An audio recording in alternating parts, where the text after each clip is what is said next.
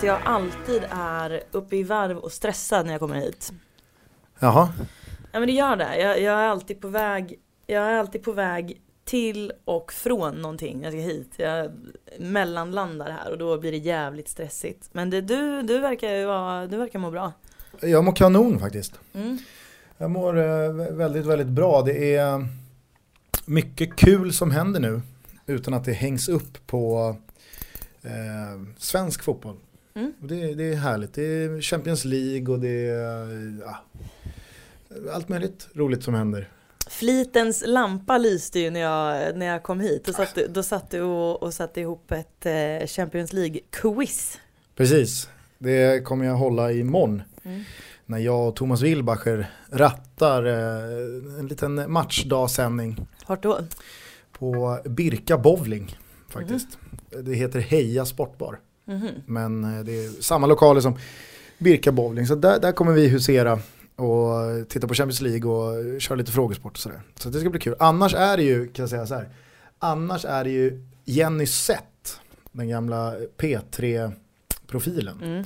Det är hennes lampa som någonstans är Flitens lampa här. Hon Mm. är här varenda morgon. Mm. Hon är alltså idag chefredaktör för Rodeo. Mm. Hon är här när man kommer hit och hon är här när man går. Mm. Alltså måndag till söndag, Mm. oavsett när jag jobbar. Kan det vara så att hon kanske sover här? Mycket möjligt. Mm. Mycket, mycket möjligt. Jag vet inte, jag har ju aldrig sett henne någon annanstans Nej. än här. Men eh, ja, jag vet inte, vi får återkomma i frågan Jenny Seth. Hur, hur mår du då? Mm. Förutom att du är stressad. Nej men jag, jag Degerfors tappar spelare. Precis. Nej men eh, alltså jag, ehm, jag känner mig ganska lugn på den där fronten. Jag är, som jag sa förut, så här sällsynt eh, obitter över att ha tappat en startspelare och en eh, poängspelare eh, till Bayern. Det, det är en väldigt duktig spelare så jag, jag gratulerar verkligen Hammarby till det. Han är riktigt duktig och kommer ju förmodligen att peta sin gamla lagkamrat Kristoffer Lallén nu. Jag gillar, hur du, eh, jag gillar hur du pratar om eh, en spelare som har gått mellan Degerfors och Hammarby som någon slags självklarhet i att alla vet vem det är. Mm. Du har ännu inte sagt namnet på den här spelaren. Jaha, nej, Amadaya Renni. Mm. Ja. Jo, jag vet det, men det kanske finns lyssnare som hör programmet och som undrar, Ja, ja, vem är det här jag, nu? jag, jag ber om ursäkt. Det, det, var, det var klantigt av mig. Nej men han är jättebra. Det, det kändes verkligen som att han eh, var klar i Degerfors. Han har gjort sitt och Ehm, eh, det var extremt väntat att han eh, skulle gå. De, alltså våran tränare slash sportchef hade räknat bort honom för länge sedan. Så att eh, det där är lugnt och vi har bra uppbackning och Bayern har eh, större nytta av honom än vad, vad vi eh, kommer ha framöver. Så att det, det är jättebra. Enda man ska se upp med, vilket kanske inte är skitbra i ett gäng som eh, Bayern, det är att eh, han är riktig individualist. Eh, kanske behövs eh, någon annan typ av mentalitet där numera. Jag vet inte, men ehm, ja, grattis Bayern. Grattis Bayern är ju sällan ord man inleder ett avsnitt. Mm. Men eh, vad Gud, fan, ja. vi, vi sparkar igång det femtonde avsnittet av FBTB från Bruket till bögringen med eh, mig, Gusten Dahlin och Elena Lövholm. Bahoy! Bahoj! Slå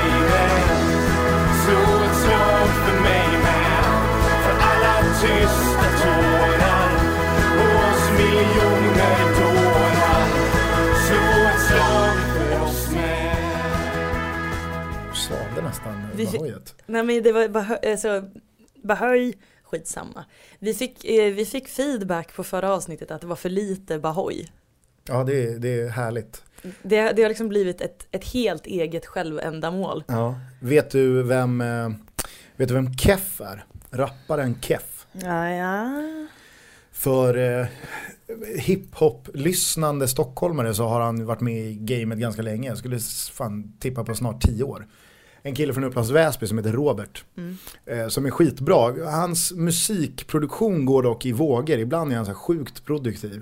Och det kommer två, tre, fyra eh, låtar liksom på ja, ett, ett halvår. Mm. Sen så kan det vara tyst i ett år eller två. Mm. Eh, Han i alla fall, han är trogen lyssnare av eh, FBTB och eh, han eh, drog i eh, dag, tror jag, idag tisdag, igång hashtaggen Leave Bahoy Alone. Med tanke på att eh, Nabil eh, Bahoy har eh, uppvaktats av Crystal Palace är det va? Mm. Mestadels, men andra Andra engelska intressenter verkar finnas där också. Mm. Men både Nenad Lukic, hans agent, och AIK tror jag inte är speciellt sugna på att, att sälja. Nej. Men eh, Keff då i alla fall, han var, han var tidig med hashtaggen Leave Bahoy Alone. Bra hashtag. Bahoy i versaler så att eh, det, det skulle vara väldigt tydligt vem det handlade om. Extremt tydligt. Så den hashtaggen eh, kommer jag hålla lite extra koll på här nu framöver. Ja, Bra, bra Keff. verkligen. Eh, annars är ju dagens avsnitt ett, ett avsnitt jag har sett fram emot. Mm. Vi ska ju, ska du berätta vad vi ska göra idag? Eh, ja, det kan jag göra. Vi har ju två stycken saker på agendan. Det ena är att vi ska ranka de tre snyggaste klubbmärkena. Eh, och eh, vi har varit inne och snuddat lite på det förut. Och jag, jag vet ju lite grann, jag, jag är nojig över att du ska ha med ÖSK där. Och jag, jag ser ju på, på ditt flin att det, det är förmodligen så. Eh, den andra grejen vi ska göra är att eh, påbörja våra egna personliga drömälvor eh, som det så fint heter, baserat på spelare som vi någon gång under vår livstid har upplevt. Eh, och som har gjort avtryck på, på ett eller annat sätt. Och du klämde ur dig en helt overklig grej här borta när vi stod och trixade med tekniken. Då sa du att jag har en observation på hur du har tagit ut ditt lag. Och det säger väldigt mycket om dig. Och du har liksom inte, du har inte en aning om vilka jag har plockat ut. Eller hur jag har gjort det för den delen. Nej men jag, jag, kan, ju, jag kan ju säga, ska, ska jag ta min observation här? Ja, snälla gör det. Eh, det var väl igår tror jag, igår måndag, som du på Twitter skrev ut att jag ska till morgondagens inspelning av FBTB ha med mig eh, en målvakt, en backlinje och tre klubbemblem. Mm. Mm. Och sen så skrev du fem åttondelar klara. Eh, hjälp mig, jag vet inte om du... Du skrev inte hjälp mig. Nej, men du skrev fem åttondelar klara. Mm. Och då gör jag min egna snabba matte. Att eh, tre klubbemblem bort från åtta, då har vi fem. Och så en målvakt bort från fem. Mm. Det är så oerhört väntat att du kör en fyrbackslinje. Jag ska ha en super, super Ja, rak Ja, 4-4-2. precis. ska Jag, jag säger, jag säger det bara, det är, det, är- det är, alltså, du har ju själv inte ens tänkt tanken tror jag. Att köra en trebackslinje eller en fembackslinje. Det, det fanns Fast bara fyrbackslinjer. Och det är, det- det, det- jag, det- det är det den observationen jag har gjort. Ge mig lite cred här för min iakttagelse. Ja, fast den är, det är, in, det är inget långskott. Det, Nej, alltså, det inte. finns inte så många alternativ. Och, äh, Nej, men jag, jag har Men heller vi- inte allt för många koefficienter att jobba med för att jag, förstår inte, jag förstår inte hur det här säger någonting om mig. Att jag, att jag, väljer, att jag väljer en 4-4-2, vad fan säger det om mig? mer än vad du verkar förstå. Men förklara då. Ja, men jag säger bara Utveckla. nej, men 4-4-2 är ju någonstans, alltså det är det svenskaste vi har. jag, jag lovar dig. I, Ja, alltså, I min värld ja, är ja. 4-4-2 kanske det svenskaste vi har. Ja, ja, det är 4-4-2 slår ju Arne Weise till exempel, och Ikea. Ja, det slår fylla på midsommar. Mm. Eh, och eh, nu ska jag ge dig någonting annat jävligt svenskt vi har. Eh, dividering om notan på restaurang. Det är bland det svenskaste som finns. vad, vad åt du till förrätt? Ja. Vad ska du betala? Finns det en miniräknare? Ja. Det är, ha, ha, man frågar liksom servitören eller servitrisen om en penna. Och man vänder på kvittot och börjar ställa upp familj eller sällskap för sällskap. Men jag tar ju det här, du, du anser... Inte ens det är svenskare än 442. Men det känns som att du, alltså, när Själv, folk, själv kör jag treback. det är bara för att du inte orkade ta, du orkade ju bara inte ta ut fyra backar. Det säger mycket om dig. Nej, det, det, det, liksom det du glömmer i resonemanget att man kör trebackslinje det är ju att det finns lagdelar där profilerna duggar tätare än vad det gör i försvarsleden. Trebackslinjen öppnar ju upp här nu för liksom det kanske blir ett fyrmananfall. Jag vet inte, men, Men du- alltså, ju profilerna, precis, profilerna det är som precis det här finns. jag menar, då kan du köra fyra anfallare i så fall. Ja, men jag kommer inte köra ett fyrmananfall, men jag ville köra ett tremananfall.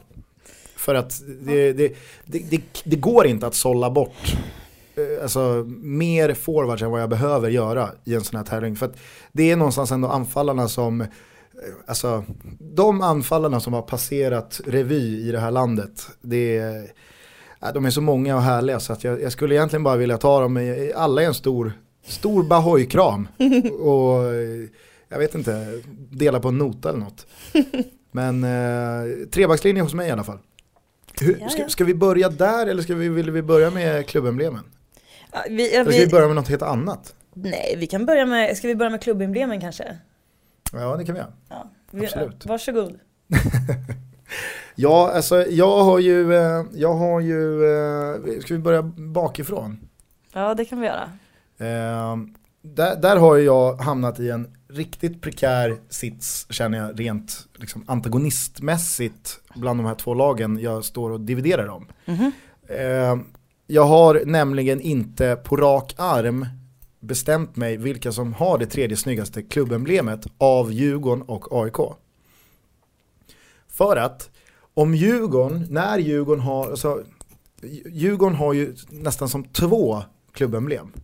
De har ju sin sköld, Mm. sen har de skölden med den vita texten i en ring runt där det står 1891 på sidorna. Och så står det Djurgårdens IF i överkant och så står det Stockholms stolthet i underkant. Mm. Om den, om den eh, själva liksom, textcirkeln finns med runt skölden, då är det snyggare än AIK. Men är inte den texten med, vilket den inte har varit på Djurgårdens senaste tröjor, utan alltså, om skölden får stå naken mot AIKs emblem, då, då rankar jag AIKs emblem högre faktiskt. Mhm. Så att eh, det där är ju hugget som stucket, man får ju välja att se det som man vill. Men eh, är, är det med textcirkeln, då, är Djurgården, då har Djurgården det tredje snyggaste klubbemblemet i eh, svensk fotboll. Enligt mig. Se där. Jag har ingen, alltså jag har inte en enskild motivering för varje klubbmärke. Däremot så har jag definierat vad jag tycker att ett snyggt klubbmärke är. Och sen har jag utifrån det tagit den som är tredje, andra och allra bäst Mm. på det. Ja. Så jag har egentligen samma, samma motivering till alla men att de är olika bra. Förstår du? Ja, absolut. Jag, min etta och tvåa faller under samma kategori, för det, båda är liksom det jag är svag för i ett klubbemblem. Ah, okej. Jag, har- jag har valt att definiera ett snyggt klubbmärke som, det här kanske man inte, det här kanske man inte förstår exakt eh, om jag bara säger det, men efter att ha suttit och stirrat på klubbmärken en stund så blir det väldigt tydligt. Ehm, ett snyggt klubbmärke ska vara välbalanserat, detaljerat utan att bli plottrigt och bra jobb med färgerna. Och då menar jag eh, färger som inte går i clinch med varandra och ogillar varandra. De ska gifta sig. Precis, de ska gifta sig. Så, så som FBTB gifter sig med riskakor ska färgerna gifta sig med varandra i ett klubbmärke. Har får jag fråga om du har några, för att jag har ju alltså i, i alltså ska man stolpa upp vad jag är svag för i klubbmärken så är det ju färger, alltså enskilda, specifika färger jag är svag Mm. för. Har liksom, går, att se en gen, går det att se en röd tråd mellan dina tre klubbemblem, att de går i samma färger? Eller är det bara balanserade, Nej, det, det, ändock nej, det finns i- olika färger? Nej, det finns ingen sån röd tråd, men de ska bara inte stöta sig med varandra. Min tredje plats kommer nu. Ja, Nu säger jag det. ja. Hammarby. Ah. ja, man gillar ju kransen. Mm. Och det är, kransen, det är kransen detaljerna sitter i, med bladen. Mm. Eh, det är de som är detal det, bra detaljer utan att vara plottriga detaljer. Håller med dig om att eh, färgerna gifter sig bra med varandra. Mm. Framförallt liksom att det är samma gula ton i HIF över flaggan som det är i eh, kransen. Mm. Märker du här hur jag kan prata fritt om det klubbemblemet utan att se någon bild på det? Alltså, Ska du... Ska... Ja men verkligen, det, alltså, det, det är ett klubbemblem jag har studerat länge. Det var ju där uppe och nosade på min eh, lista också, men det tog inte plats. Mm. Ja, det, duktig, vad duktig du är. Tack. Tack. Eh, Bayern alltså, okej. Nu, Mm, kommer jag, nu kommer jag röra mig utanför Stockholm. Eh, Oj. mm. Det ska jag också göra sen och jag ska verkligen göra det. Eh, för jag, jag tog mig friheten att utse det fulaste också. Jag har också ut, alltså bara listat två riktigt fula. Mm. Men eh, det näst snyggaste klubbemblemet i, i, den här, eh, i, i det här landet, det, det, är, det är Vimmerby IF. Nej men vad härligt. Ja, vill, vill du titta på det? Om du aldrig har sett det förut. Ser exakt ut som SEF-loggan, det här i mitten. Ah, nu tycker jag att du... Nej, inte, inte exakt men alltså tycker jag, att är jag hård. tycker att det påminner lite grann om För de som inte, för de som inte har sett eh, Vimmerby IFs klubbemblem så eh, ni behöver inte ta på er någon dumstrut. Det är kanske inte ett liksom, måste om man är konnässör av svensk fotboll. Men det är, det är en anrik förening, bildades 1919. Har en, eh, en, en, en sköld eh, med en eh, en liten lä- där lättare. lättare, gul bakgrundston och sen så liksom 1919 Vimmerby IF. En, en, en rund, ett, ett runt märke där det står VIF. Ganska så fult. Men det är där uppe det händer. Där en röd ekorre sitter i eh, ett litet, eh, i en ek och gnager på ett av fyra gula ekollon. Jag, jag, jag såg det här klubbemblemet för massa herrans år sedan och har alltid bu- burit med mig just för att den här skarpa röda och en skarp grön det är en jävla härlig färgkombination alltså. Fy fan. Kanske, fan vad jag kanske gör sig mer avspeglad. Ja. i Sveriges snyggaste klubbemblem som jag snart ska avslöja. Först ska vi höra din andra plats. Fan vad jag vet vilket som är ditt. Åh, åh, gud. Okej. Eh, näst eh, bäst här då på att vara välbalanserad, detaljerad utan att bli plottrig och har jobbat bra med färgerna är Helsingborg. Uff, Gillar du Helsingborgs? nej, Inte? nej, Inte alls? nej, inte alls för att det har inte alls ett liksom, det har inte formen som ett klubbemblem ska ha, tycker jag. Det är, nej, Helsingborgs gillar jag inte. Dessutom gillar jag inte när det är eh, liksom, alltså färgkombinationen blått, rött, vitt Mm. är för mig för tråkig. Den, Mm. sticker, den sticker liksom inte ut. Den, är Nej. ingen, den är ingen rödgrön.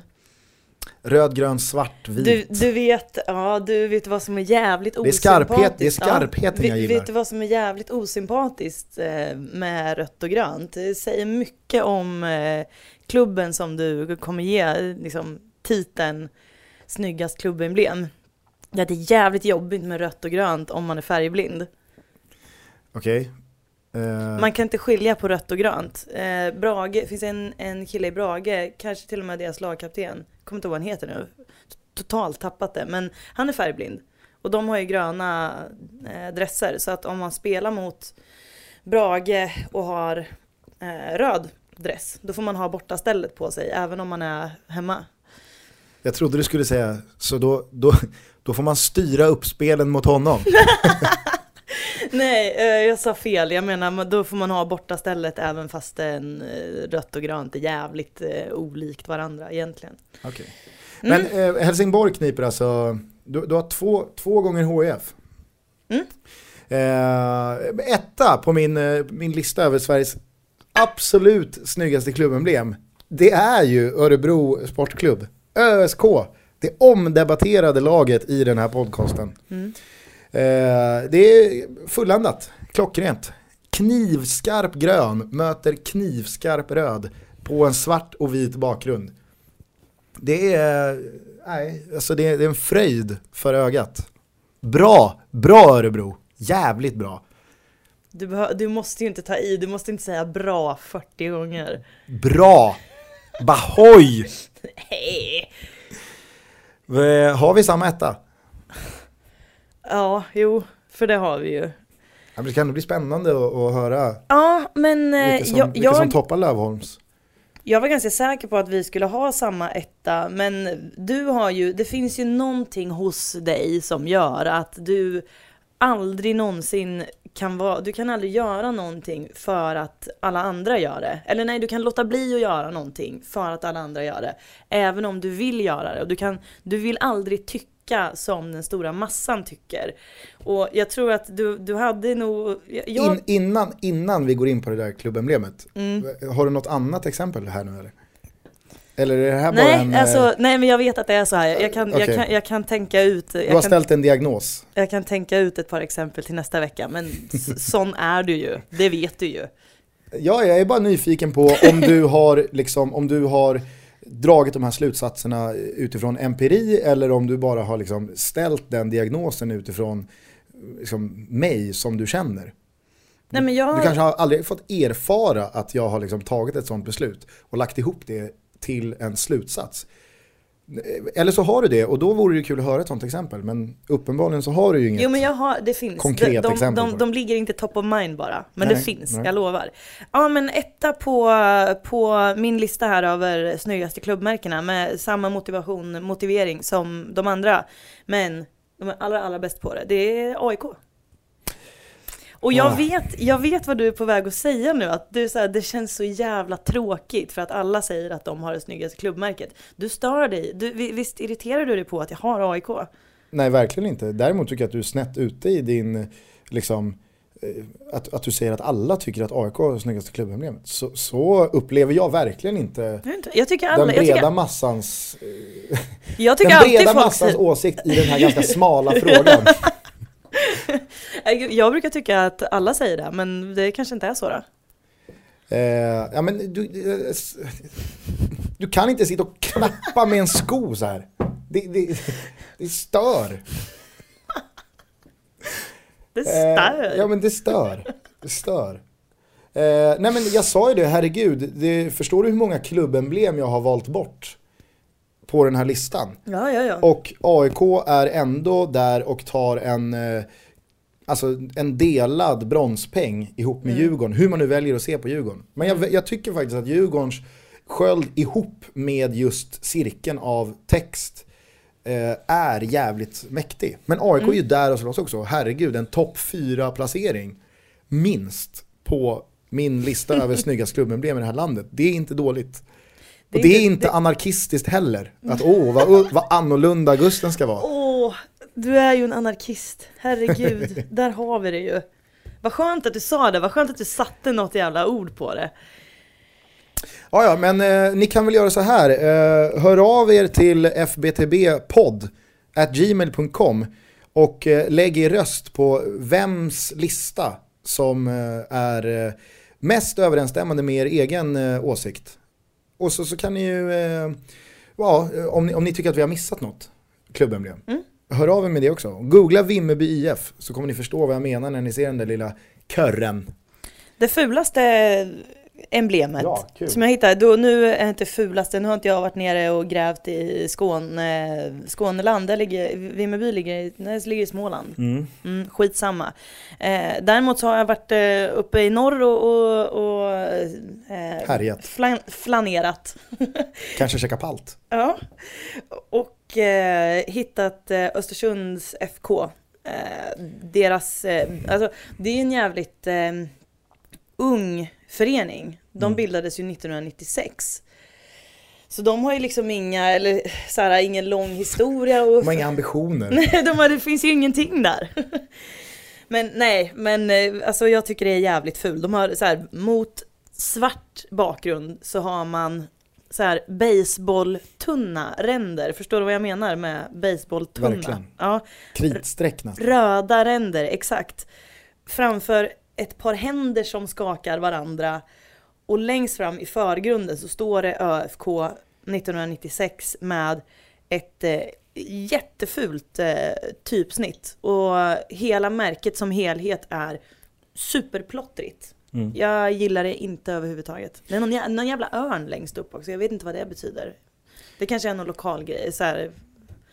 De, de, Borde de, det kanske finns en örn i Östersund, Ja, inte vet jag. Härje eller något.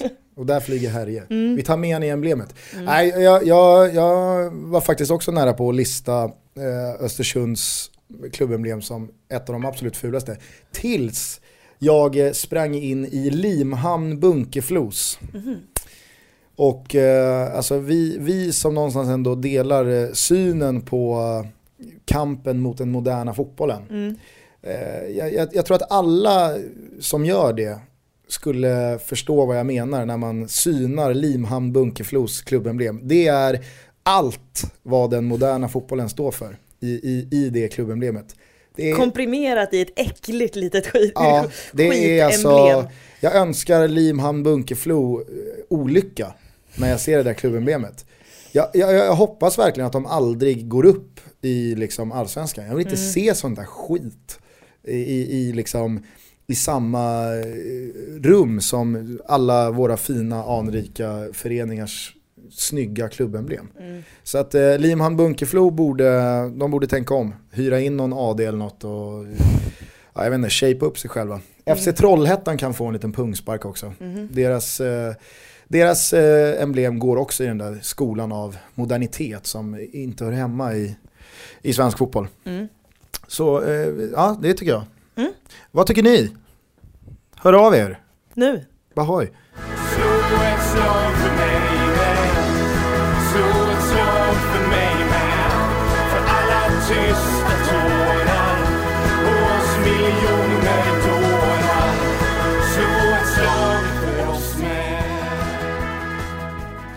Ska vi innan vi går in på listan, som jag kan tänka mig kommer ta lite tid, Jag tror det.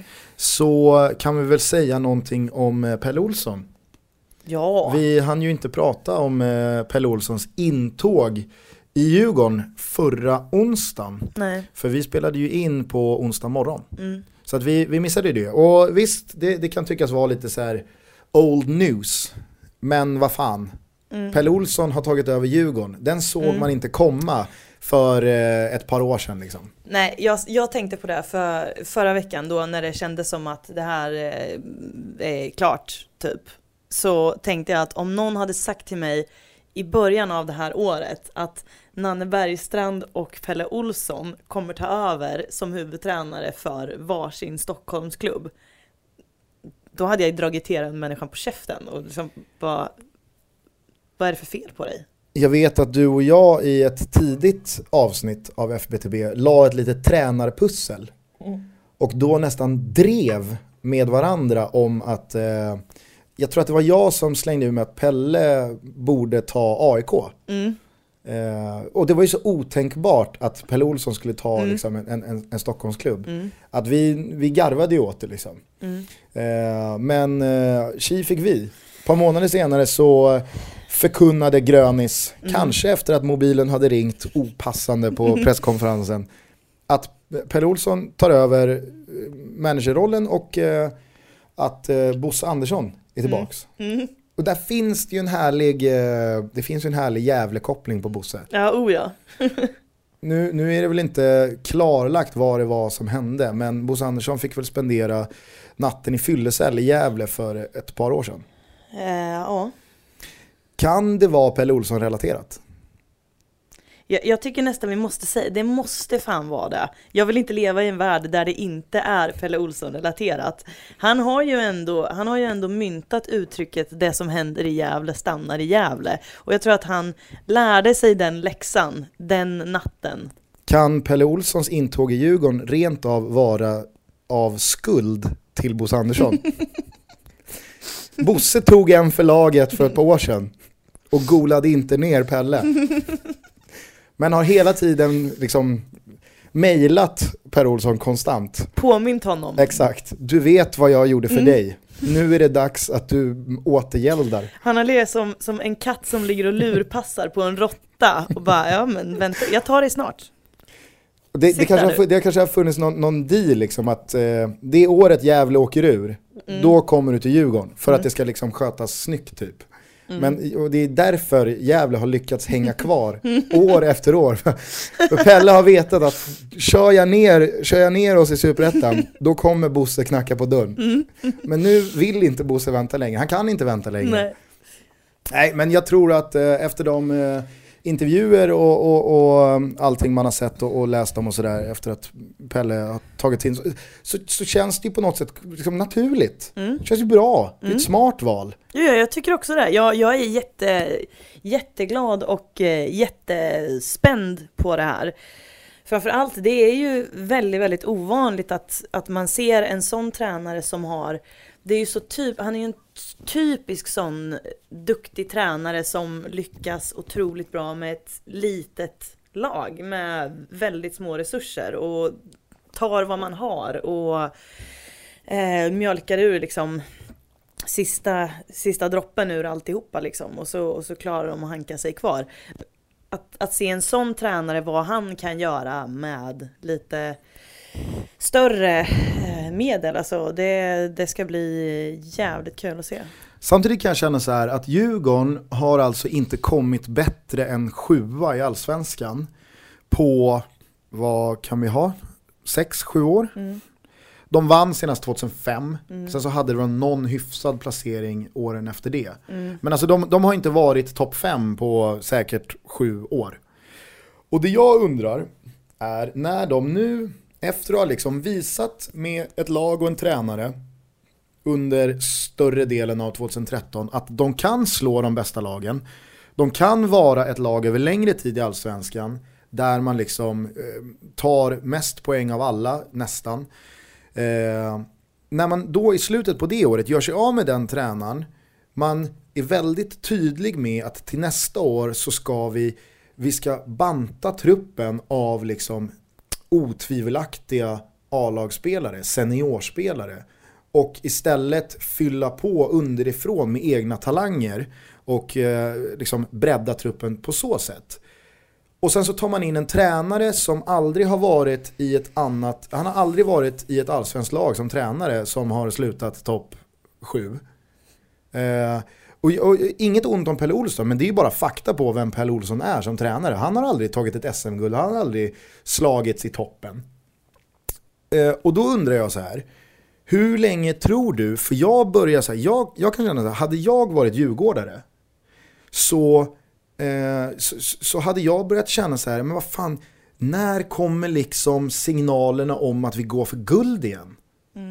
För det tycker inte jag att vare sig Pelle Olsson eller att man gör sig av med Högmo. Nu vet jag att Högmo var liksom en interimlösning som egentligen säkert aldrig var speciellt nära på att signa ett långtidskontrakt med Djurgården. Men det är fortfarande liksom en tränare som lämnar Djurgården för något bättre. Och dessutom så har man den här uttalade, uttalade eh, ambitionen att vi ska bygga Djurgårdens trupp på ett sätt som i mina ögon verkligen inte liksom så här säger nu jävlar slåss vi om guld.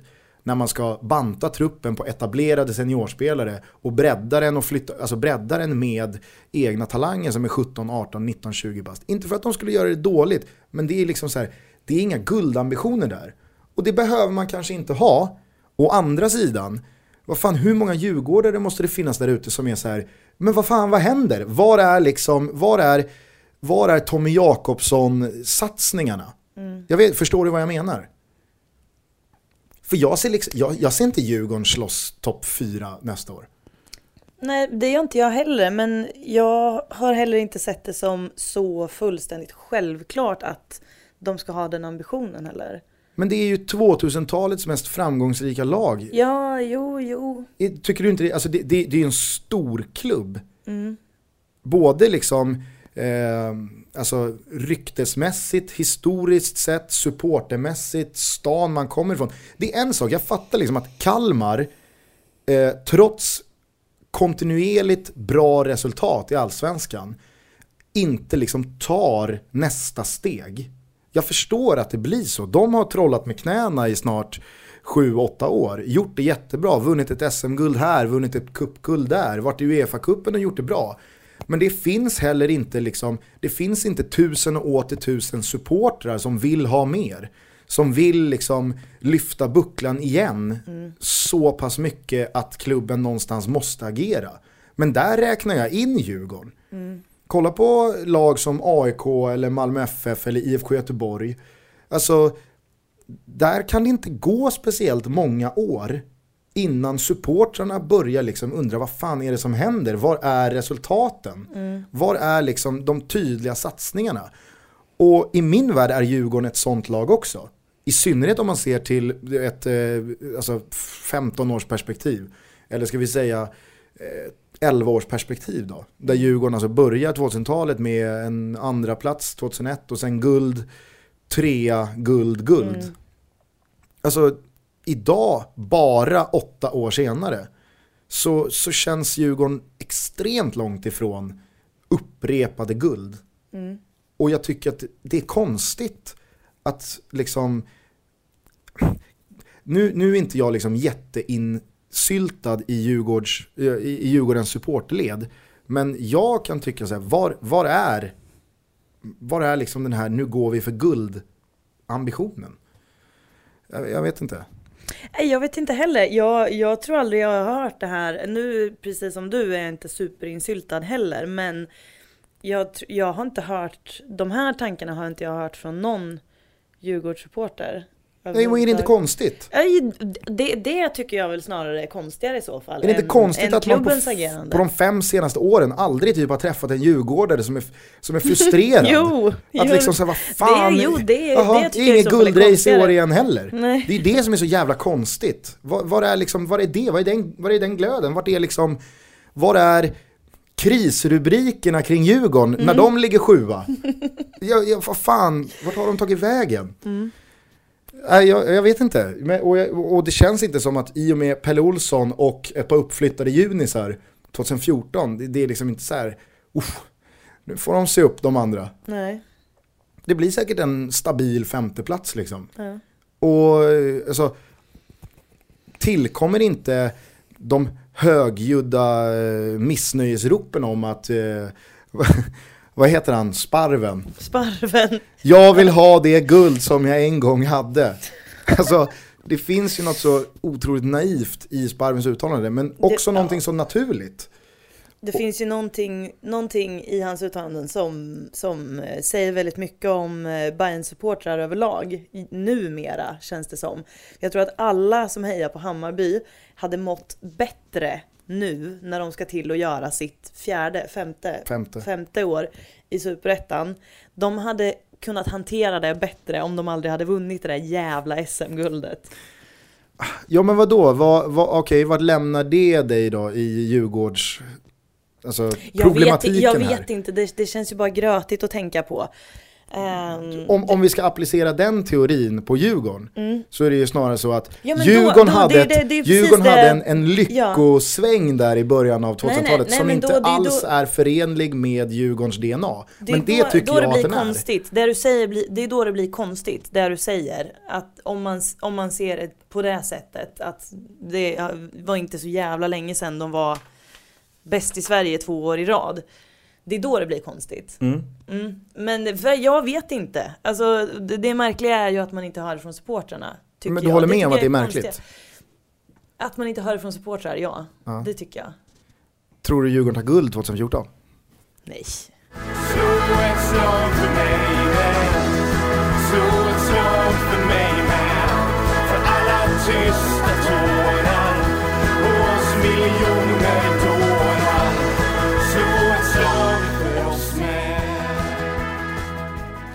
Ska vi, eh, innan vi går på våra målvakter och försvarslinjer, Mm. eh, dela ut våra priser? Mm. Det kan vi göra. Vill du börja? Hänger den i luften för uh, G. Dahlin här?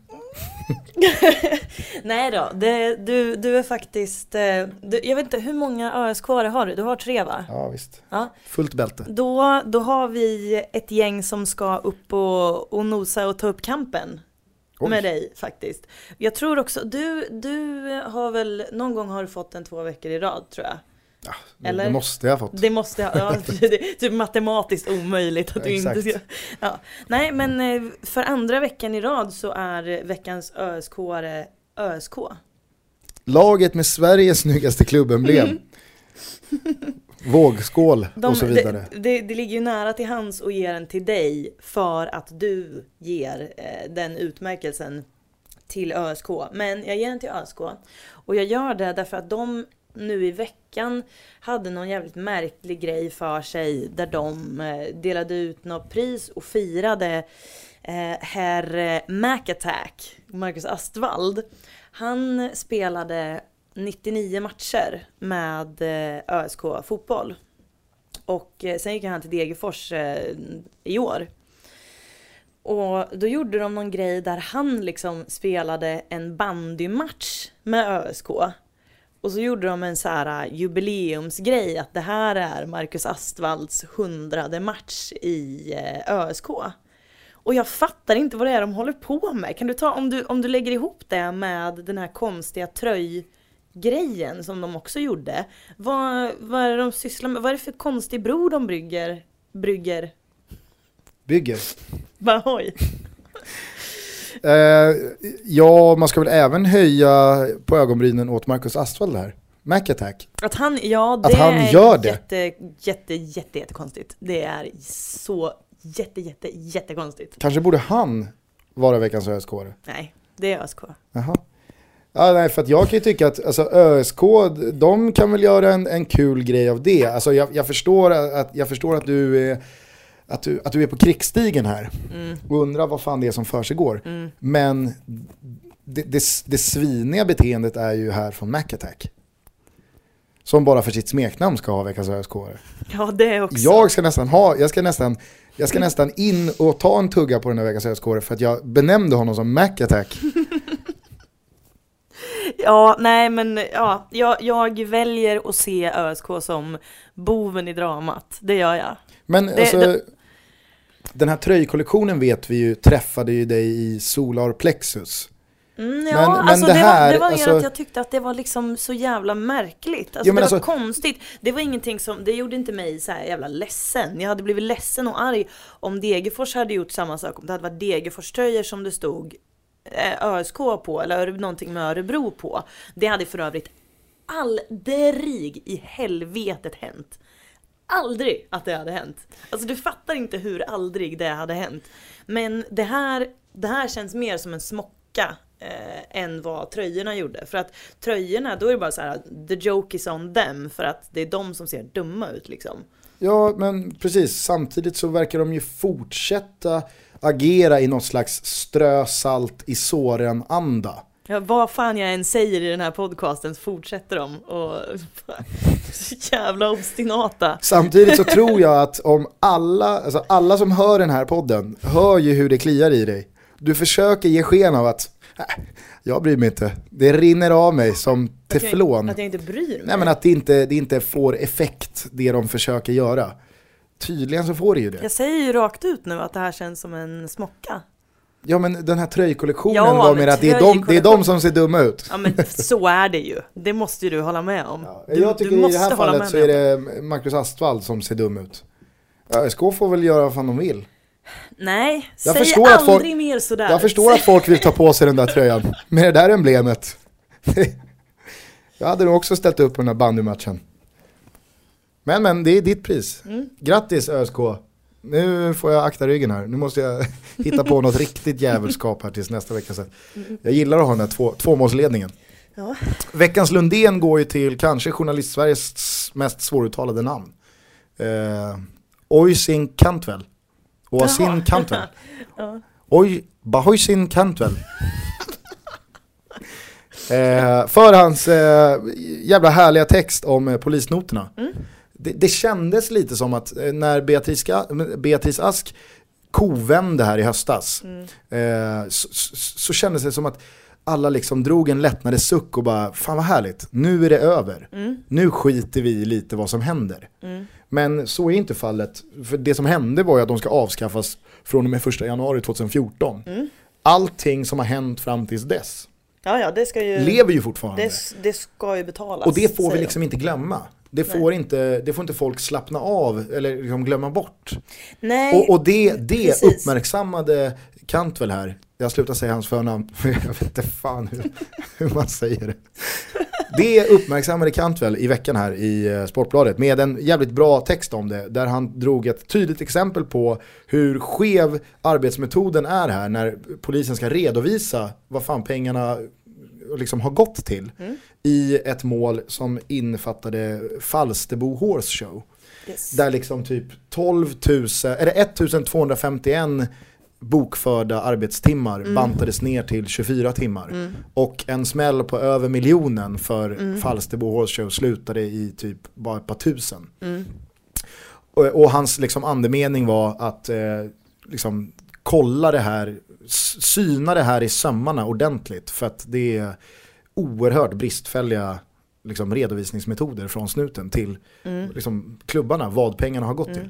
Så att, eh, jag, tycker det var bra, jag tycker det är bra att eh, Cantwell inte ger upp sin kamp här, att han bara, att han liksom mig och många andra har fötterna lite halvt uppe på bordet. Och, och, och, nöjer sig med att det är slut här nu från och med 2014. Bra Cantwell! Mm. Eh, Jag, jag tycker att det, du är generös mot dig själv när du säger att du har fötterna halvt uppe på bordet. Ja, jag, Jag- står jag har- ju inte på har- barrikaderna. Nej, nej, men jag har ju för mig att du, eh, du eh, köpte ju fan med champagne. När, när, de hade, när de hade gått ut med det här att nej men vi slopar det från, från och med årsskiftet. Köpte du champagne till eh, 08 Fotboll? Ja, menar du att det var fel? Nej, jag, agerat, jag, jag menar att du, när du säger att Du menar att det är 100% fot jag, jag, på bord? Jag menar, att, jag menar att du fullständigt har slappnat av och tänkt att det där, nu är det klart. Ja men det har jag. Mm. Det, kan, det kan jag eh, ärligt erkänna. Ja, eh, jag tycker AIK gjorde ett jävligt bra uttalande om det där också. Eh, och ifrågasatte liksom varför polisen inte en endaste gång, inte ens nu när det är så extremt tydligt hur, hur stor skillnad det är på verkligheten och vad de faktiskt har fakturerat. Att ingen går ut och säger någonting självkritiskt. Fan aldrig hört någon polis, liksom någon från polismyndigheten säga att nej fan det, vi, har, vi ska kika på det utan det är bara liksom det är bara hänvisning till eh, lagar och regler och eh, ospecifierade fakturer där man liksom har strykit över saker med märkpenna så att man inte ens ska se vad det står liksom. Eh, läste du om det där gripandet på Gotland igår? Som, hade slu- som slutade med att eh, alltså mannen dog av polisens gripande. Men mer än så ville polisen inte säga. Det var liksom, man måste säga mer än så. Åh! Ja men skämtar du? Nej, utan det var liksom, det var det de sa. Att en man i eh, 40-årsåldern dog efter att ha blivit gripen av polis. Eh, och eh, fallet är sekretessbelagt och skickat till internutredningen och mer än så. Polisen vill inte säga mer än att de har handlat efter eh, liksom, ja, yrkesmodell. Då vet man ju att Men, det, men snubben dog. Det, Fan. man, Ja, man, man då- måste då- säga mer än så. Då vet man ju att det är bara någon halv dag kvar innan de eh, polisanmäler sig själva och lägger ner utredningen. Kanske. Veckans Lundén i alla fall till eh, Cantwell och eh, veckans öskåre till ÖSK. Slå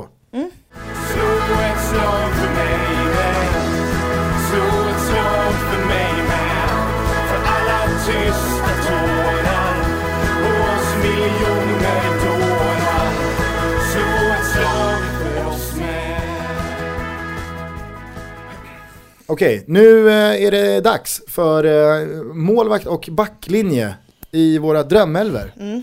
Du har ju fem namn att redovisa, jag har bara fyra eftersom jag spelar med tre Mm. back. Så att, eh, då får du börja, Ska jag börja med målvakten då? givetvis. Varför är det så jävla givet? Ja, man, man bygger ett lag bakifrån. Ja, ja.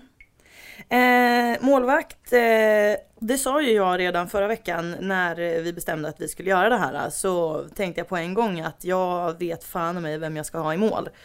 Och eh, det blev han kan jag säga. Det är en eh, kille som lämnade Degerfors förra året. Så han stod i, stod i mål i Degerfors några år eh, fram till och med förra säsongen. Och eh, det är en amerikan som heter Brian Edwards. Han eh, har, han har gjort avtryck hos mig på ett sätt som han eh, omöjligt kan ha gjort hos, eh, hos eh, andra Degerfors-supportrar. Han var jävligt duktig så att många, många, många gillar honom antagligen. Eh, men jag gillar honom lite mer därför att för ett par år sedan så, så höll jag på och eh, ska jag, så jag måste, kan du sluta flina sådär för att jag, jag, jag ser vad du tänker. För, för, eh, för ett par år sedan så, eh, så släppte jag en bok som, eh, som handlar om hur, hur det kan vara att växa upp i en småstad, en liten liten arbetarby som Degerfors ju är. Och ehm, den sommaren så så var jag väldigt mycket i eh, Degerfors för att jag ville vara, jag gjorde nästan ingenting annat än att skriva den sommaren så att jag, jag ville liksom vara där när jag skrev. Det var, det var mycket lättare. Um, och då satt, jag, då satt jag någon dag och, och eh, snackade med Brian och det här var under en period som jag hade tampats väldigt, väldigt mycket med vad den här boken skulle heta. Och man lär sig så här, någonstans, man lär sig när man skriver så lär man sig den, den ädla konsten av att inte tänka för mycket på saker. Du vet, när man tragglar med alltså, vad fan ska jag ha för rubrik på det här eller hur ska jag formulera det här? Vad ska jag ha för twist eller vad ska, jag ha, vad ska, vad ska boken heta som det var i det här fallet? Men så, så slutar man tänka på det och till slut så trillar det bara ner någonting rakt i knät på en. Och det var det som hände den här gången. Och du måste fan sluta flina, så jag kan inte prata när du håller på så. Vad är det? Du måste ha micken nära munnen. Ja, men vad är det? Kan du säga vad det är bara? För att jag klarar inte av att du nu, tittar nu, sådär på mig. nu sitter jag och tänker på att din bok kanske heter Nothing but a E-thing. Nej. det är, och det kanske var hans, liksom, Det hade varit det jätteroligt. kanske var hans bidrag. Ja. Hey, you know what you should name it. Nej, det... Eh, så här var det i alla fall, att han har en tatuering på sin vänstra handled där det står Play Proud. Och eh, det var någonting som eh, betydde mycket för honom för att hans morbror som hade gått bort brukade säga det till honom. Eh, och mm, då hade han tatuerat in det som för att så här hedra honom typ. Och de orden bara fastnade i min skalle av ingen anledning alls och eh, jag gick och tänkte mycket på det och det slutade med att jag döpte min bok till Spela stolt, alltså raka översättningen. Um, Du gjorde en Josef Chipsa. och jag, eh, jag, eh, jag eh, byggde också, alltså nästan hela bokens eh, så här, vad ska man säga, Plott. nej men vad heter det? Fan. Handling. Nej. Content, kont, eh, nej, Kontext. Dramaturgi. contenta, fan.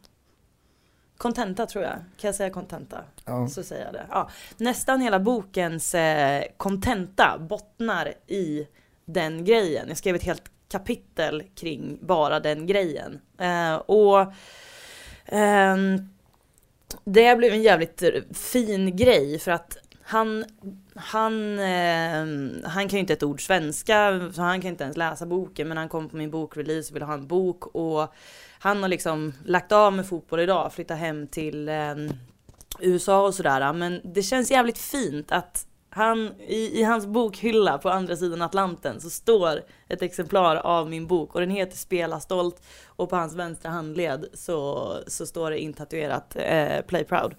Eh, det känns som att det är ett fint litet band vi har. Var, var han eh, någon eh, målvakt att ha? Det var han. Uh, jätte, jätteduktig. Uh, väldigt, Väldigt stabil superettan målvakt. Vad vad hade vi, vad hette han sa du? Brian Edwards. Brian Edwards. Yes. Jävligt uramerikanskt namn på alla sätt och vis. Ja verkligen. Det blir ju också liksom, på tal om, vi var ju inne lite på galna målvakter i förra veckans avsnitt och bara pratade lite snabbt om det. Och det blir ju liksom en målvakt som skriker på sin backlinje. Det blir ju så mycket mer kraftfullt när det skriks på engelska. Verkligen. Mm.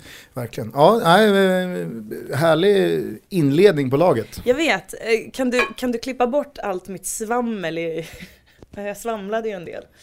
Nej men det tyckte jag var härligt. Förstod du vad jag menade när du sa att du gjorde en Josef Chipsa? Nej? Eh, han drog upp sin matchtröja efter någon mål och hade någon linne där det stod Håll tron. Ja. En, en rak översättning av Keep the faith. Keep faith. Han ville väl kommunicera med, Ja. Sen så tror jag Godsway också tog över det där. Jaha. Så när han gjorde mål i derbyt, Mm.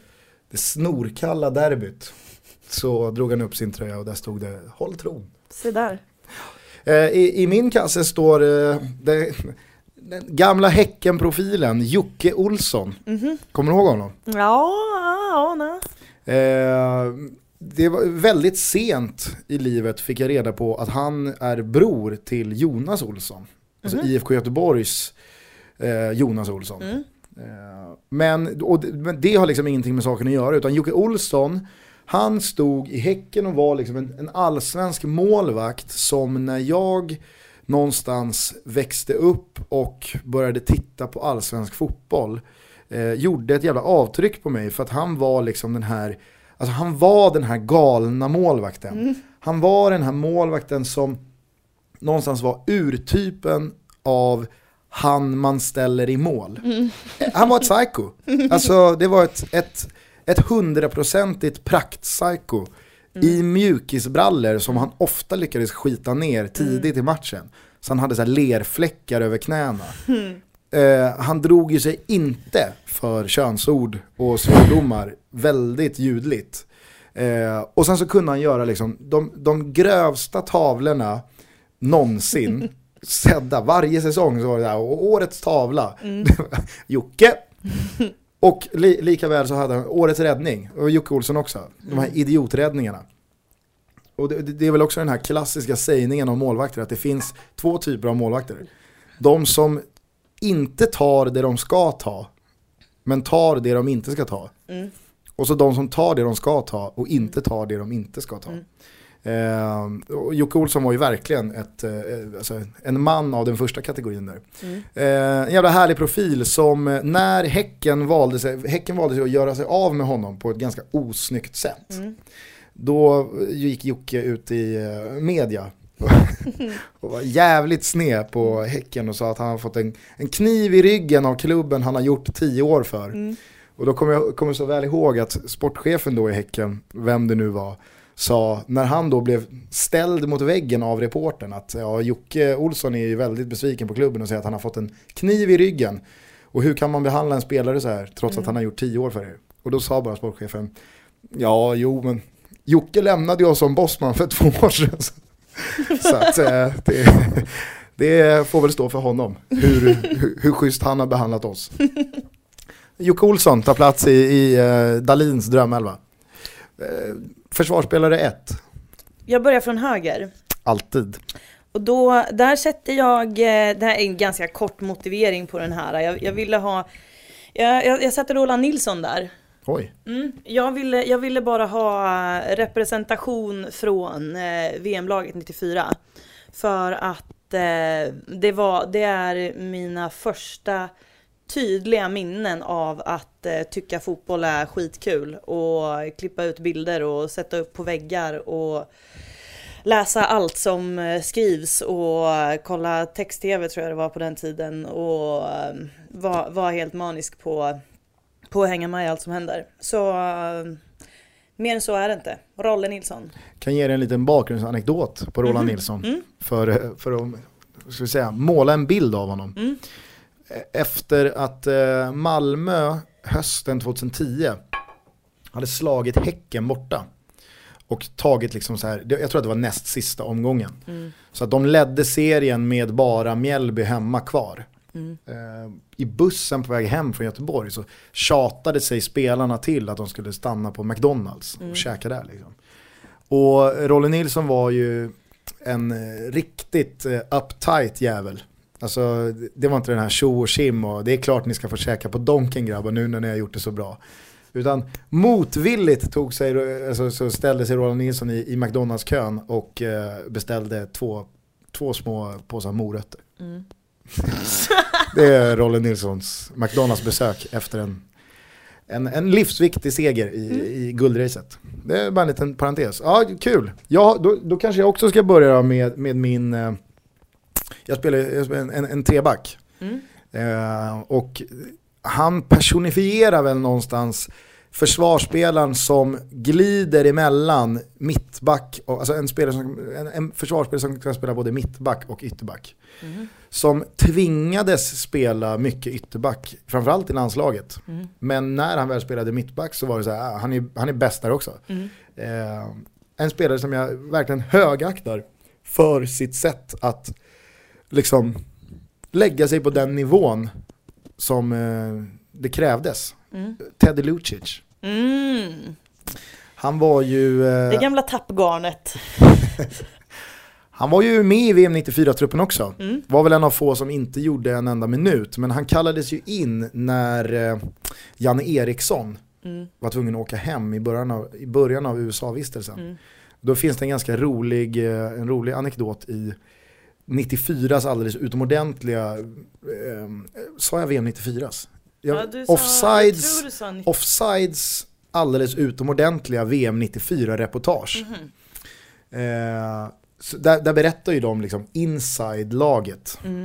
eh, under hela turneringen. Och då, då är det just när, när Teddy Lucic blir inkallad till truppen. Alltså, Tommy Svensson vet vem Teddy Lucic är, Mm. men det gör ingen annan typ. Så att Teddy Lucic hamnar ju bara på spelarhotellet Mm. och eh, i hissen då på väg upp till hans rum så kliver Kenneth Andersson också in i hissen. Och då säger ju Teddy, för han känner igen Kenneth Andersson, så säger han liksom Tjena! Och Kenneth tittar bara på Teddy Lucic och har ingen aning om vem grabben är, men Kenneth Andersson är bara trevlig och säger Hej hej. och sen så, Åh, typ se, så så ses de på nästa träning och, och sådär. Ja. Det, det är härligt när det blir ett så frågande hej. Mm. När man bara, hej? Så här, jag, jag, så nu, hälsar du på mig? Mm. Eh, nej men sen så var ju Teddy Lucic den här försvar... Alltså han kunde ju spela i superettan och Mm. inte sticka ut. Mm. Och sen så kunde han spela eh, VM-matcher mot England Mm. och inte heller sticka ut Mm. åt något håll. Alltså han var alltid så här, ja, klart godkänd. Mm. Han var aldrig bäst, aldrig sämst. Och eh, jag älskar sådana spelare. Mm. Så att eh, Teddy Lucic är, han är, han är en, en stabil tredjedel av min backlinje. Med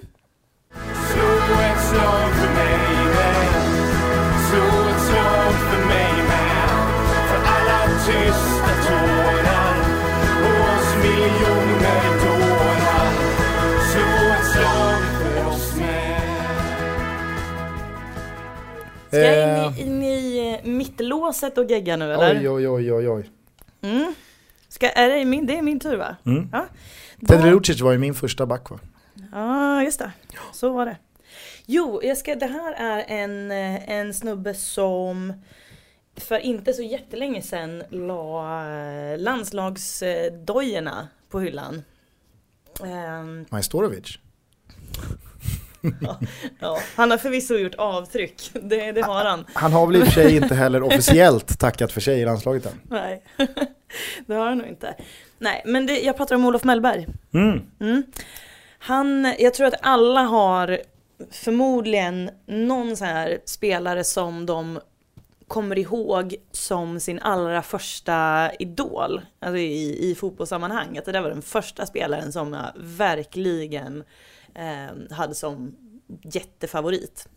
Och så var det med Olof Mellberg för mig när jag var liten. För att då spelade han i eh, Degerfors. Gjorde han. Och ehm, så som jag minns det i alla fall, jag, kommer faktiskt inte ihåg exakt, men jag minns det som att han var liksom den stora stjärnan i, i laget. Det, jag kan vara helt ute och snurra, eller så är det bara att jag själv gillade honom och att det är därför jag minns det så. Men Han spelade i Degerfors och var jätte jättelovande. Det, det är så sjukt att tänka på en tid då Olof Mellberg var en talang liksom. Men Eller i Degerfors. så var ja, det med. Men så var det i alla fall. Sen eh, knatade han vidare till eh, AIK så småningom och lite sådär och blev eh, en spelare som jag alltid har varit extremt stolt över att han har någonstans började sin, sin bana i, i Degerfors på riktigt. Ehm, jag kommer ihåg när jag var liten så, så hade min, min bästa kompis, hon hade, hon hade sett i hennes trapphus att det stod O. Mellberg på, på en dörr, en trappa upp. Jag vet inte hur fan, varför, varför, varför hon sprang upp liksom. Men det, ja, så var det i alla fall. Men så vi, vi hade ju liksom, vi hade hittat vart han bodde någonstans. Och Eh, så vi, eh, jag kan, jag kan ha varit typ runt 10 år, 9-10 år och sånt där, jag minns inte riktigt. Men vi började ju springa hem till honom och ringa på dörren. Bara så här, eh, ville ha hans autograf typ. Och då var han jättetrevlig i, till en början liksom. Och bara, ja visst det är klart ni kan få det. Och jag fattar inte varför vi skulle dit fler gånger. Det är så här, det räcker ju med en gång kanske. Då har man fått sin autograf och sen är det väl bra. Autografen Men- kan ju vara first base Mm, i vissa sammanhang. vad menar du med first base? ja, att det finns en second base. Att aut- autografen är liksom first base. Så, vad, vad fan pratar du om nu? Jag var jag att nu- tio år gammal. Ja, det kanske var den enda basen då. Jag vet inte. Uppenbarligen så gick du dit igen. Ja, vi gick dit. Vi, vi gick dit och vi gick dit och vi gick dit. Tills han slutade öppna dörren. så att det känns också härligt att en gång i tiden så har Olof Mellberg tröttnat ur på mig. Det kan jag också ha. Då förtjänar man en plats. Då förtjänar man en plats. Jag tycker det. Ja, Nej, men jag, jag respekterar honom så otroligt mycket och jag eh, blev eh, lite så här ledsen och vemodig när han, eh, när han slutade i landslaget. Får jag fråga Så en sak? mm, Vet du vem hans pappa är? borde jag veta det? Nej, jag undrar bara om du har en bild av hans pappa.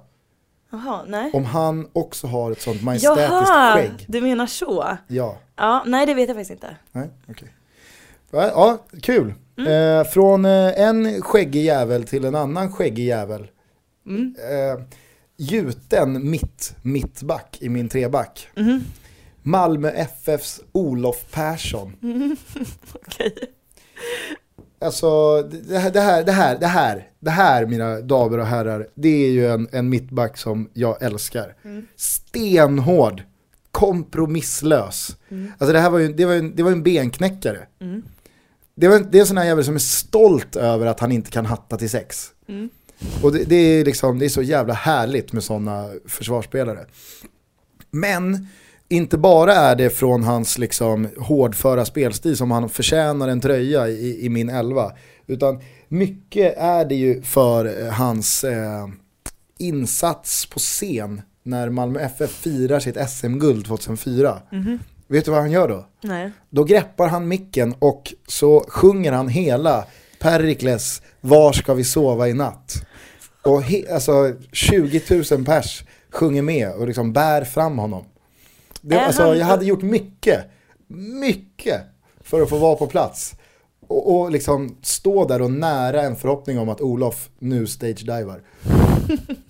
jag, jag, jag är underbar, underbar spelare. Gjorde ett par landskamper också som jag faktiskt såg på plats i Thailand. Kings Cup 2003. Gick sådär. Men eh, vilka bröstmuskler. Alltså Olof Perssons bringa måste bara finnas längst bak i min, i min eh, backlinje. Det är givet. Ja. Är det jag nu? Mm. Mm. Då, jag har en mittback till. Jag har ju två. Ja, Jag, jag, jag, jag, kan, jag kan mina fyrbackslinjer, så det är lugnt. Bra. Nej men den här, det, den, den känns lite tråkig. Framförallt eftersom att han, så här, han spelar, han spelar i Allsvenskan nu och han, jag vet inte. Det, det, den känns lite trist på förhand. Men jag gillar honom så mycket. Så att jag, jag vill verkligen ha med honom. Eh, det är ju eh, Pertan eh, i AIK. Jag vill, jag, vill, jag vill verkligen att han ska vara med. Du, du skakar på huvudet. Och vill- bara att du håller att på att måla in dig i ett AIK-hörn här som du nu får svårt att ta dig ur. Det är AIKs klubbemblem hit, du har hyllat deras inmarschlåt till skyarna. Mm. Nu är Per Karlsson med i din drömelva genom tiderna. Ja, jag, alltså, Alltså jag, nu jag, börjar det osa råtta här. Lång väg.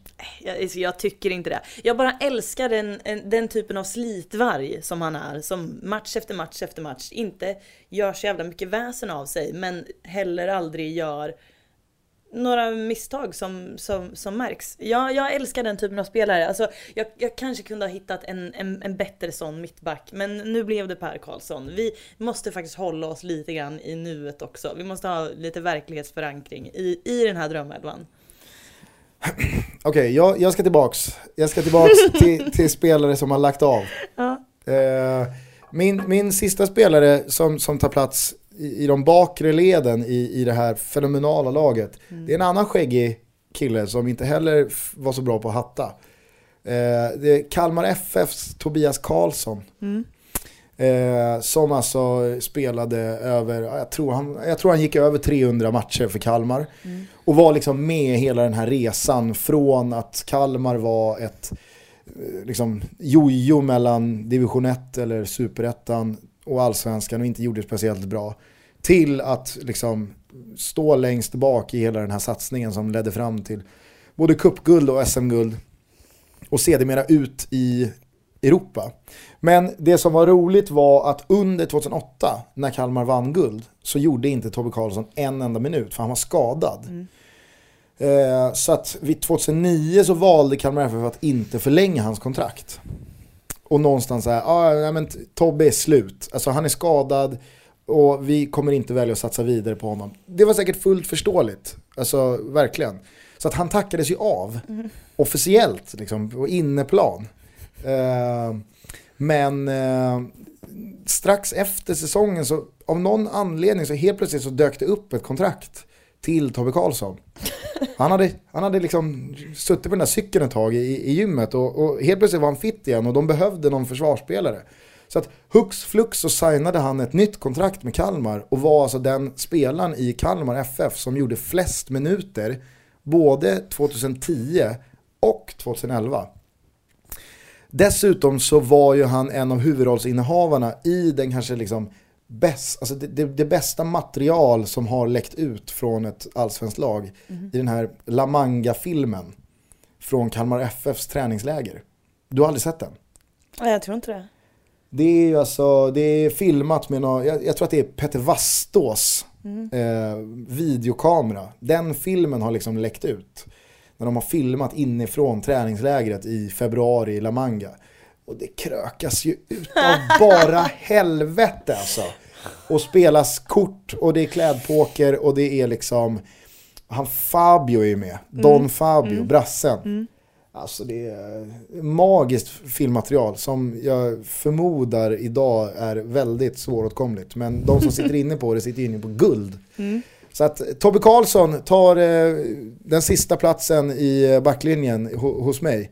Eh, alltså en begränsad fotbollsspelare som alltid, alltid, alltid gjorde allt för att inte sätta sig i situationer där hans bristfällande teknik liksom blottades. Det var ta bort, långt som fan, huvudet eller högerdojan, spelar ingen roll. Behöver man ta ett gult, då tar man ett gult. Men det var aldrig han som liksom orsakade målen heller. eh, bra Tobbe. Ehm, vi kan ju säga det bara, om, om någon av våra lyssnare sitter inne på, på den där filmen så mejla den för guds skull till fbtbpodd.gmail.com Jag ska inte skicka den vidare, jag, ska bara, man kan till och med få skicka ett så självförstörande band eller någonting om man vill. Jag vill bara se den. Det vore schysst. Ska du eh, förkunna avsnittets sista tröja? Det ska jag göra. Det här är också så här, en typ av spelare som jag kände behövde representeras i, eh, i eh, den här drömelvan och det är, Vilka har vi hittills? Typer alltså. ja, vi har ju ehm, den första idolen har Ja. vi och sen så har vi slitvargen. Vi har VM 94 spelar. VM-94-laget och sen så har vi min otroligt subjektiva och känslomässiga koppling som inte har någonting med fotboll att göra till Brian Edwards. Vi har Psykot. Jocke Olsson. Ja. Har Så vilken spelartyp får vi efter Det är, det, är, det, är, egentligen en Degerfors-spelartyp och det är en... Den begränsade. Precis, det, det här är en smal, det är en smal kategori att eh, försöka, eh, en smal dress att försöka klämma sig in i. Kan jag säga. Eh, finns inte jättemånga sådana här men det finns några stycken, det har funnits några genom åren och det här är en sån. Det finns några, eh, några kriterier, jag älskar alltid de här spelarna. Man ska vara Värmlandspöjk. Man ska vara väldigt bra. Men... Ja, ja. Det det, är, det är gamla kriteriet. Men man ska inte vara så bra att man kan bli norpad av en allsvensk klubb. Man ska vara precis och dansa på gränsen. Precis! Man ska, förstår. vara, man ska gärna ha de här tekniska kvaliteterna, man är så jävla duktig, man kan liksom ha så här fina fötter och hela den grejen. Men det ska vara uppenbart också att man kan bara göra det i superettan tempo. Det är omöjligt att göra det i allsvenskt tempo. Jon Persson. förstå, förstår du då vad, vad det är för typ av spelare? Absolut. Ja. Jon Persson. Jo, Alltså, ja fast det är inte han. Nej jag vet, men Jon Persson, alltså Ja, superstabil i BP. Men det är inte han. Fan, nej, jag, tar bara ett exempel här. Så, Jon Persson, superstabil i BP, Mm. fanns ju aldrig på Djurgården, AIK eller Bayerns radar. nej. Ja, fortsätt. Exakt. Den här, det, här, det här är ett jobbigt efternamn. Eh, och i, i hans fall så är det precis tvärtom mot eh, Bahoy-hållet. Att alla andra säger fel, men jag säger det rätt. Jag lovar. Han heter Marcus de Braun. Hans namn, hans efternamn stavas D-E-B-R-U-I-N. Och då säger folk antingen De Bruin eller De Bruyne. Han heter De Braun. Så, Marcus De Braun, en snubbe från eh, Åtorp som ligger utanför Degerfors. Det är, bo, jag vet inte hur många det bor i Åtorp, 700 personer kanske, något sånt där.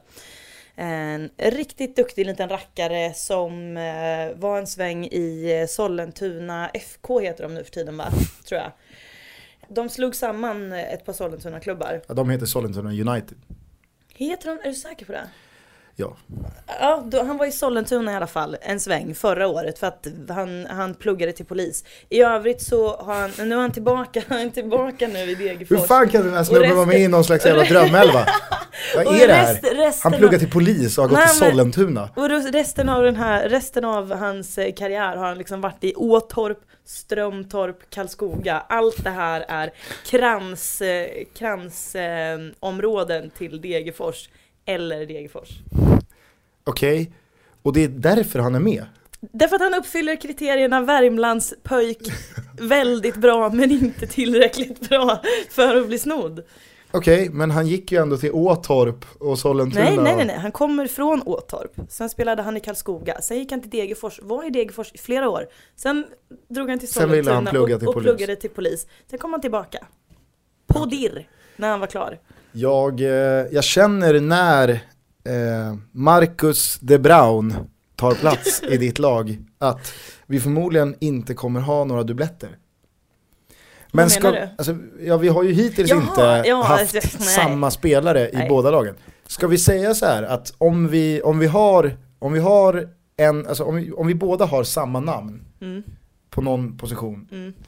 då, då måste vi göra allt vi kan för att bjuda in den spelaren till ett avsnitt. Ja, ja. Då är ju det uppenbarligen vår gemensamma nämnare liksom. Mm, ja, absolut. Men eh, det blir nog svårt efter att ha hört att Marcus de Braun tar Mm. plats i, i, i det laget som har ett par tröjor med välbalanserade färger som, som gifter sig bra i, i klubbemblemet. Mm.